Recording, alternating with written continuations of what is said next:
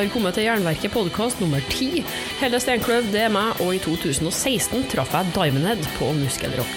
So, uh, hello, this is Brian Tatler from Diamond Head, and you're listening to. It works. Oh, I've got a t-shirt somewhere. Nice one. No? Woo! Okay. Okay, Yeah, fine, right. so now we're on. Okay. Uh, I have this uh, radio show called uh, Jernverket. It's actually Norway's biggest metal show, but I was still quite honored that Diamond Head asked me to do the interview. Or Okay. Your manager. Lovely. Probably. That's great. Yeah, so thanks for that. But uh, can you just please please tell the listeners who are you and what do you do? Who am I? I? You know, I'm Brian Tatler from Diamond Head, and I play guitar in Diamond. Is that what you mean? Okay. Is that it then, or I know, but the listeners. don't okay? know. They don't know. Well, there you go. I'm the guitarist. And you've been doing this for quite a while now. Yeah, I have. I've been doing it for 40 years. Uh, I formed the band and uh, we've been going on and off, you know, for 40 years. We've had a couple of breaks from it and uh, a couple of people have come and gone. But uh, still, you know, we're still playing these songs. Some of these songs are 35 years old and they're still going down really well, as you can bear witness tonight. So it's great. It's, people still want to hear them, and they still sound good. They don't. They don't sound dated. They've got something about them. You know, they were they were written well in the first place, I think, and uh, they seem to be standing the test of time. Because I heard that you actually wrote like hundreds of songs and riffs before you actually recorded anything. It wasn't hundreds, but by the time the first album came out, we'd written a hundred songs. Uh, I, I mean, starting in '76, we just started writing straight away. Uh, we didn't bother doing covers really. We did a few. We did maybe three or four, and then uh, we just got straight into writing. Really, writing, writing our own, and we'd just make little cassettes. And uh, you know, the early songs were a bit, you know, a bit ordinary really, but we learned the art really, the craft from just. Uh, thanks, Ed. From just. Um, trial and error really and got better and better at it and then you know the old songs would get abandoned and we'd work, work on the new songs and we always tested them out live we had this thing called you know road testing the songs you know if they worked well live they would stay and if they didn't we, we would chuck them out Okay, so so you actually actually played new stuff for people, but you didn't know if you wanted to use it. yeah it. yeah we'd play the new songs in, a- in a live set and uh, We'd, we'd talk about it and we'd say that one went well and this one didn't. And we learned pretty quickly that fast songs worked well live, you know. And our set uh, probably, you know, built up from there. From, uh, uh, you know, in the early days, uh, we had all different songs. We didn't have, you know, Am I Evil and The Prince and things like that in the early days. We, I, I think the earliest song we do, the oldest song, is It's Electric, and that's from 1978. So we just, you know, learned as we went on, really. Trial and error. Do you still remember any of the songs that you did not keep for the album? Yeah, there's quite a few. We had awful titles as, and you know dirges. You could, we could barely play really, uh, but you know nothing stopped us. We had a we had a sort of naive confidence that we'd be all right. And uh, I, yeah, I I mean I've even got cassettes of some of the early songs that I've kept. I've kept cassettes for forty years, if you can believe that. Have you ever thought about giving them out? No, I don't. Know they're private, very private. Yeah, I wouldn't give them out. But you you you said that you didn't do uh, cover songs. You started songwriting right away. Yeah. But Diamond Head is a band that many other bands has covered. How about that? That's a coincidence, yeah? That's a nice link. Um, yeah, it's nice that we've been covered. I I mean, it's helped keep the band alive. Metallica, obviously, covering four Diamond Head songs is a big deal. It's helped keep. Yeah, obviously, financially, it's helped me and the uh, uh, the other writer, Sean. But uh, it's just helped keep the name out there. You know, we've been name checked hundreds and hundreds of times, and we've uh, been able to, you know, play all over the world. Really, thanks to uh, the exposure that uh, the Metallica songs have reached. I mean, the Garage Inc. album this has four Diamond Head songs on, sold over five million copies. So you know, it's just so many more than we could ever reach. Quite, it must be a quite a weird feeling that someone else playing your music did that. It's a compliment, really. I've always found it flattering and a compliment. Uh, you know, there's some big songs out there by other bands that, that are cover versions, and uh, I never think anything of it other than uh, it's it's flattering of all the rock songs. I mean, there's thousands and thousands of rock songs out there, and, and to pick, you know, one of mine is, is is fabulous. I'm just grateful. But you also stopped playing metal for a while. Diamond Head has been through a lot of changes. Yeah, I wouldn't say we stopped playing metal. Uh, yeah, we probably went a bit commercial, a bit more commercial. We we, we had a bit of pressure to write singles from our record label, so we we, we did things like Call Me, making music, uh, waited too long, uh, but.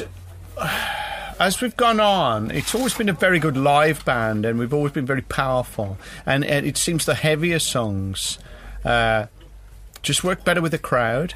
So even though we've written songs that, you know, probably would have been nice to have had hits with them. We probably didn't have the machinery behind us uh, and the radio play and the uh, power uh, to, you know, to pay for good advertising to, to make them hits. So we, we rely on uh, a lot of live work, really, and, and uh, press. But you say uh, that Diamond Head has been uh, always has been a powerful live band.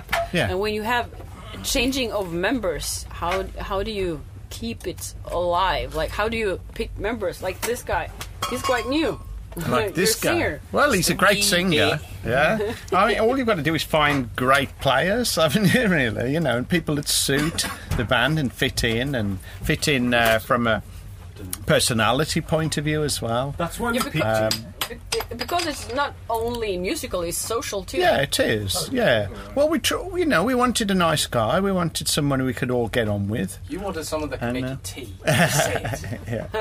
But you know, obviously the voices first, and uh, once I knew he could sing and he sounded uh, like he had the k- kind of tone that I like. In, in a singer, and he, he, he did justice to the Diamond back catalogue. So we You know, when when Raz joined, we weren't really thinking about new material. Uh, all that came later, and uh, I just wanted someone who, who sounded good uh, singing the old stuff, really. And uh, at first, and then uh, Raz fitted that bill. Because there uh, there was a new album this year. Yeah. It came out only a few months ago. Uh, yes, that's right. It's called this How subtitle. That, how did that go? How did it go? How did we come to make it? you Yeah, mean? yeah. How how did you come to make it, and what's happened? How has the the, the, the like the public reacted to Well, the press reaction has been fantastic. Some of the best, best of my career. Uh, fantastic uh, reviews we've been getting. So it's given us such a lot of confidence. And um, it just came about because, you know, we talk backstage and in dressing rooms like this. Uh, we discussed writing songs and uh, we thought, well, we should try. We should. Uh, so I gave Raz a load of material because I keep doing stuff at home, making demos and coming up with riffs and things. And uh, I just, well, we'll try. And I gave Raz a load of stuff, and he uh, he said we should do it as a band, you know, in in a rehearsal room, uh, not try and do it over the net or just build up on, you know, tracks from Pro Tools and things like that. So uh, that's that was we had this brief, and in January 2015 we all got together in uh, the Midlands in in the UK, and um, we started on the material, and you know, and uh, songs grew from from little ideas and uh, built up and up. Uh, and Raz would take away. We'd record the rehearsals, you know. We'd, Raz would take away recordings and work on vocals at home, li- you know, lyrics. And he's, I don't do lyrics, you see. So again, you know, it's it's you need someone who can uh, contribute that that side of of the song. But but you live quite spread. I heard that Karl lives in the U.S. He does. He's been living in the US since 1989, I think. And uh, that is a problem, but he comes over. He's, mar- you know, he's English. He, he, he was born in the Midlands by us, so it's just a case of when he does come over, he has to stop at his uh, mum's house. Uh, so he's here now for about six months. He's, he came um, in April, and uh, he'll stop until October. Oh, the power's gone. It's get, get dark. So, uh, so that's how it works. Uh, everybody else Fear of lives in the Eng- dark. lives in England. Raz lives in London, and the, and the rest of us live in the Midlands, Hmm. fairly close to each other. So it does work. Raz has to take a train ride up to, you know, if we if we rehearse all right. It's easy to travel around in England, at least. It's not Pardon? that uh, uh, to travel around in England is easy, at least. Yeah. It's not that big a country. It's an it's an hour and a half on the train.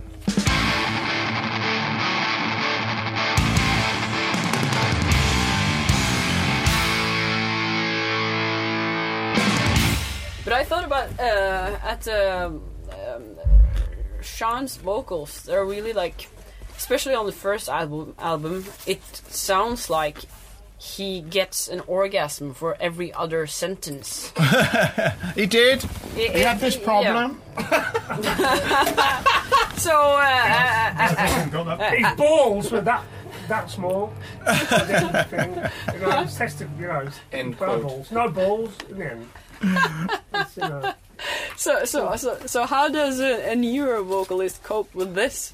You can't you can't cope with that, can you? What, orgasms? Yeah, I love orgasms. He fakes it. yeah, I fake it all the time. No, it's uh, it's fine. I mean, I, I, I don't know. I think I just you have two do what I orgasms. do. You have two orgasms. How many Uh, orgasms did you have Vanilla tonight? cake. Well, I almost had one because someone said they wanted to hear "Sucking My Love," and I was Oh, like, "Yes, I get to play." No. See, we well when we play Wizard Sleeve, maybe I'll have one. Yes. Maybe. we- Yes, we should.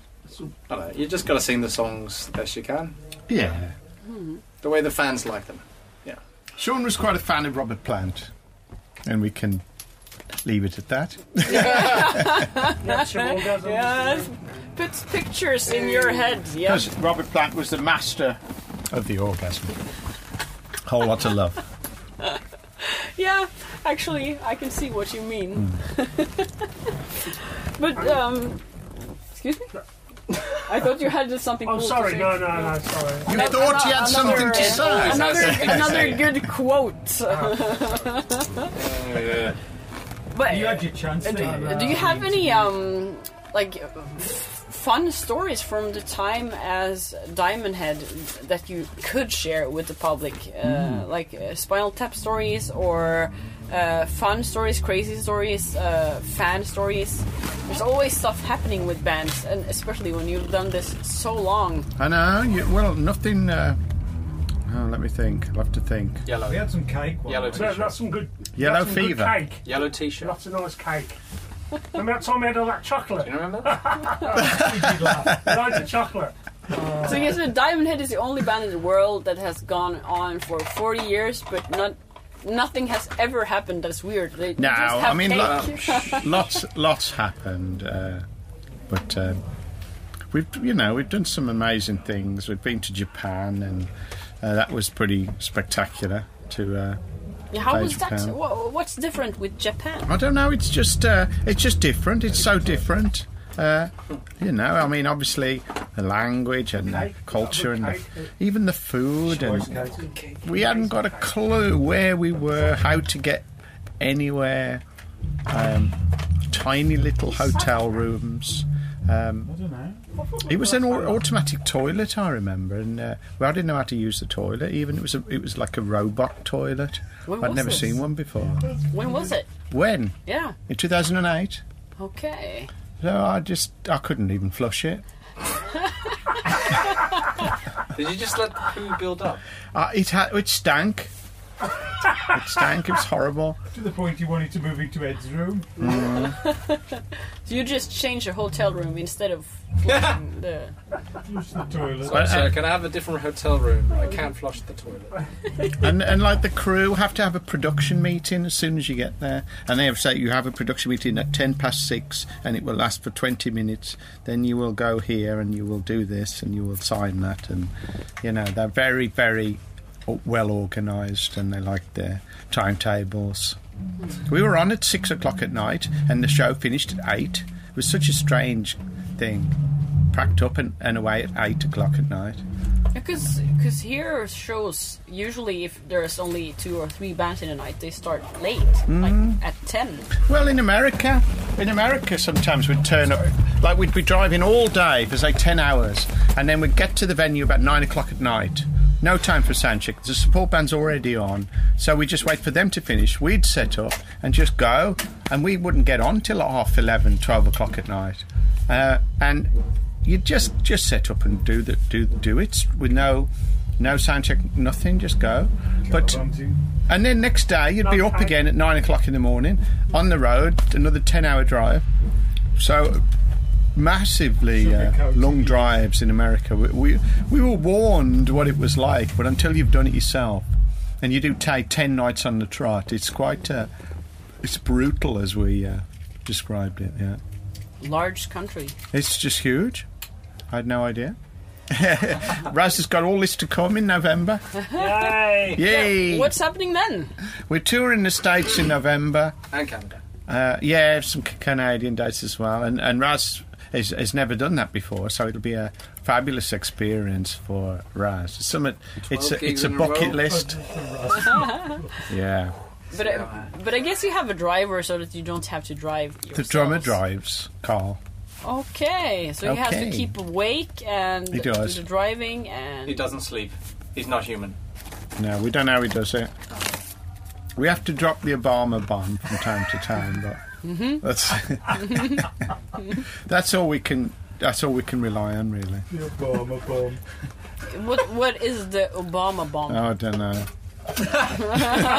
it's complicated. You, you, you set it off with a political talk, Mm. and then it goes. That keeps him awake. Yeah, we were talking when we, while we I was here before your show. They started, or at least uh, what was her name? Do- Donna, the, the lady, Jen? Jen- Debbie. Debbie. Yeah, she was talking about American politics. Should we go and get Okay. Uh, so yeah, it's quite interesting. It's different from where we come from, Europe. Yeah, yeah.